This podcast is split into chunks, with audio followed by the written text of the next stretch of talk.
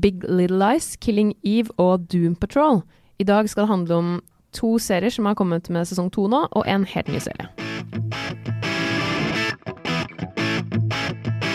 Hei og velkommen til Serieguiden. Jeg heter Ingvild Enne Corneliussen.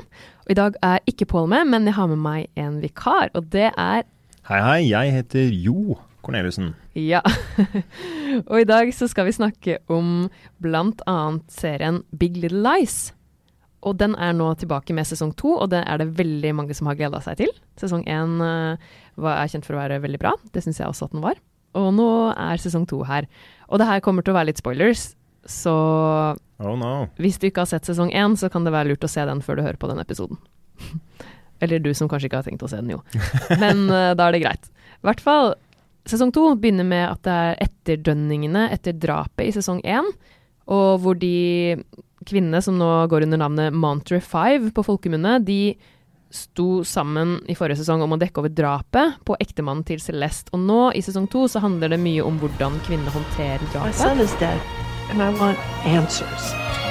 I gave you answers. Yes, but you left some things out, didn't you? You were planning to leave him.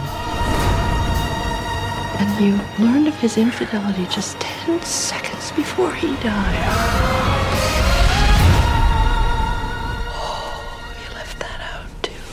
Veldig forviklinger her, merker jeg. Det er noen forviklinger, og de håndterer det på veldig forskjellige måter, disse kvinnene.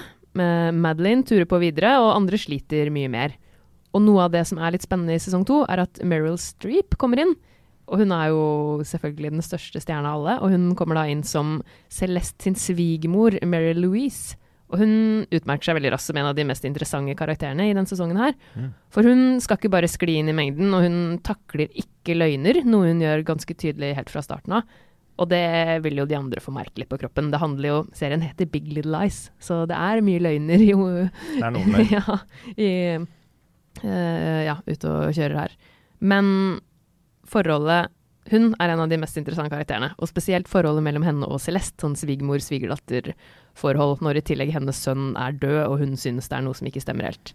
Så det, det er en veldig interessant vri, akkurat det.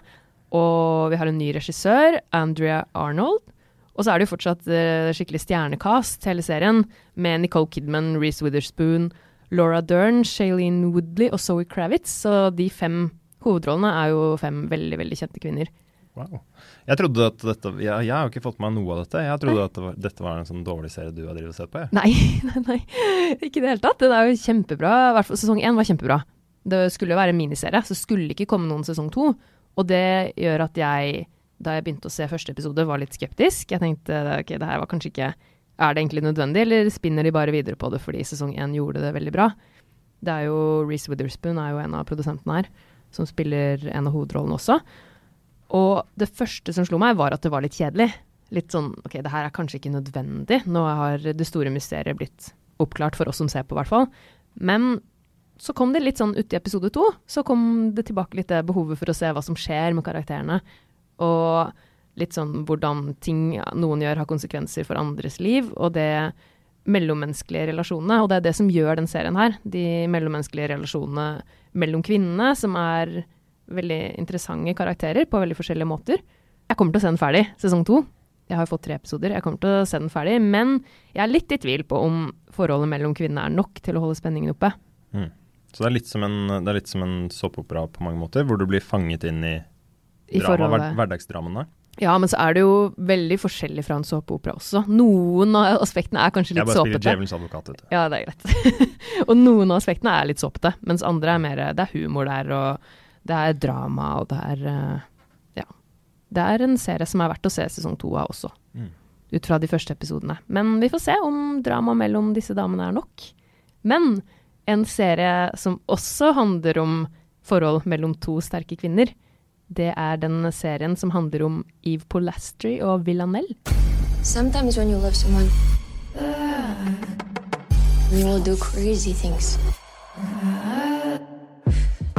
If she's alive, you need to find her before she finds you. Da er det Killing Eve vi skal inn på nå. Og Killing Eve er en spenning-krimserie som handler om Eve Polastri.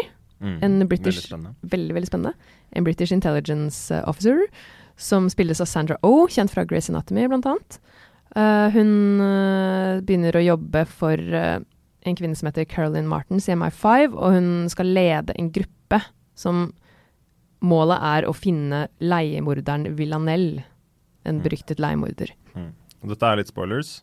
Ja, dette blir litt spoilers, fordi det er sesong to som har kommet ut nå. Ja. Akkurat blitt ferdig, eller sendt alle episodene på HBO. Mhm. Så det blir jo litt, ikke mye spoilers, men kanskje litt for sesong én.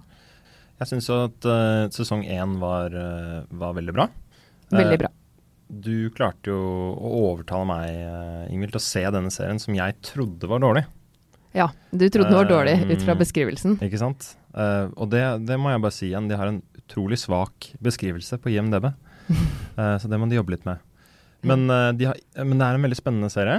Ja. Men de har ikke klart å opprettholde den spenningen, syns jeg, i sesong to som de hadde i sesong én. Nei, for eh, altså Killing Eve sesong én handler veldig mye om forholdet mellom Eve Polastri og denne leiemorderen Villanelle. De får et veldig, veldig spesielt forhold. De blir litt sånn gjensidig besettelse av hverandre. Mm. Og i sesong én så er hele den dynamikken utrolig spennende. Og man vet aldri hva som skal skje, man blir overraska stadig vekk. Jeg må også bare nevne Kim Bodnia.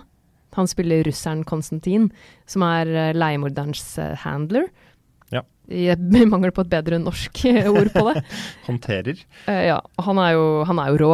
Han er alltid rå, syns jeg. Ja. Men det er han i hvert fall her. Han er kjempefin her. Ja, og også hun som spiller Villanelle, um, Jodie Comer, hun er også ekstremt dyktig og veldig god på ta alle mulige aksenter, utseende. Hun, Ja. eh, hun går jo inn i disse forkledningene som morderen Villanel. Det er noen ting man stiller litt spørsmål eh, ved i sesong to, som f.eks. at hun da eh, tar opp en karakter i sesong to som har en eh, Er det amerikansk aksent? Ja. Mm. Og da stiller man plutselig spørsmål ved hvorfor hun har denne gebrokne aksenten. Russiske aksenten. Ja. Det er litt sånn Jeg tenker at det er noe de kanskje gjør med vilje for at hun Det er hun gidder ikke å være noen hun ikke er. Men når hun kan snakke perfekt amerikansk, så virker det jo kanskje litt spesielt. Det er generelt I serien så er det liksom ting man vil stille litt sånn spørsmålstegn ved innimellom. Ja, I hvert fall når hun i sesong én har et sterkt hat mot å snakke Russisk. Russisk. Ja, det er sant. Da kunne man jo tro at den russiske aksenten kanskje ikke var så viktig å opprettholde. Så det er noen detaljer her som, som faller, gjør at serien faller, eh, i hvert fall mine øyne, litt igjennom Ja, I sesong to. i sesong to. Og så man kan jo også kanskje nevne hun sjefs eh, MI5-dama Caroline Martens har også litt sånn Hun gjør noen ting som selvfølgelig man skal hele tiden drive og lure på Er hun på vår side, eller er hun, eh, jobber hun for russerne? Man skal være litt sånn i tvil. Mm. Men noen av tingene hun gjør, er litt sånn at jeg tenker Hvorfor er det ingen som virkelig tar tak i det her og konfronterer henne med det? Men selvfølgelig, man skal jo ikke helt Man skal ikke helt vite det. Nei. Og så er, det mye, det er mye snusk som foregår her. Det er mye mye snusk. det er noe av det som gjør det spennende. Ja. Man vet aldri hvem som er på hvilken side, sånn egentlig. Mm. Og spesielt med eh, Eve Polastri, tittelrollen, hun også går jo litt sånn mer eller mindre i oppløsning innimellom. Og Absolutt. man blir veldig spent på hvor det skal ende, det hele. Og det kommer en ny sesong. Sesong to slutta også ganske La veldig opp til at det skulle komme en ny sesong. Både sesong én og to har slutta ganske sånn ekstremt. Jeg skal ikke si slutten, det er dårlig gjort. Men eh, jeg, jeg kommer til å se sesong tre. Hva med deg? Jeg kommer også til å se sesong eh, tre. Mm. Eh, jeg har høye forhåpninger for sesong tre. For jeg Mm. regner med at de har satt seg på et femsesongers løp, Mm. og derfor var sesong to dårlig. Ja. Jeg syns ikke den var dårlig, men eh, det er veldig lov. Dårligere. Dårligere. Mm. Ja, ikke like god som én, Ikke like god som en. men vi så hele. Absolutt. Men nå skal vi over på en serie som er helt ny, som du har sett, jo, og det er Doom Patrol fra DC. So what is this place? My home. A safe place for you, others like you, to heal. Doom Patrol er et surrealistisk og til tider eh, humoristisk eh, antihelt, superhelt-serie. Såpass. Antihelt superheltserie. Antihelt, superhelt-serie. Ja, Så uh, hva vil det si? jeg, var, jeg var veldig skeptisk eh, eh, når jeg så første episode av serien. Ja. Eh, jeg skal ikke røpe hele serien til nå, men, eh, Nei, men- som første episode, så ble jeg veldig skeptisk.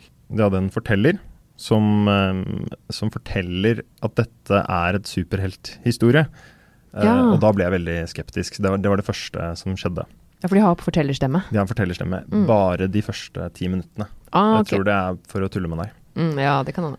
Så dette, men dette er Du kommer da inn i et, et merkelig univers, hvor du da blir møtt med Cliff Steele, som da er spilt av Bran Frazier. Mm. Han er kjent fra flere Disney-filmer. Ja. Han er uh, racerbilsjåfør, eller hva jeg skal si. Racerbil med mm. racerbilsporten. ja. Han er veldig suksessfull, men han er veldig ulykkelig. Du, får, du merker at han er sint og ulykkelig i livet sitt. Okay. Og så er, er det en ulykke som gjør at han da åpenbart dør, og så våkner han opp, og Mm, da ja. har han blitt til en robot. Ok, det er såpass, ja. Det er sånn det begynner. Der begynner vi. Men det her er en superheltserie. Igjen. Det fins en del Det superheltserier. fins en del superheltserier, og, Og dette er DC, ikke sant? og dette er enda verre, for dette er DC. Ja, det er ikke Marvel. Uh, I min mening så er uh, har, Marvel vært flinkere til å skape entusiasme rundt sine superhelter. ja. Uh, mens det faller litt igjennom med DC som oftest. Og dette her er litt sånn litt ukjente superhelter også, er det ikke det? Dette er helt ukjente superhelter. Helt ukjente, ja. Og de, eh, for meg er det helt ukjente superhelter. Mm, det er det for Eh, meg òg. Med unntak av én, som da er Cyborg, som trekker inn da Justice League-universet. Mm.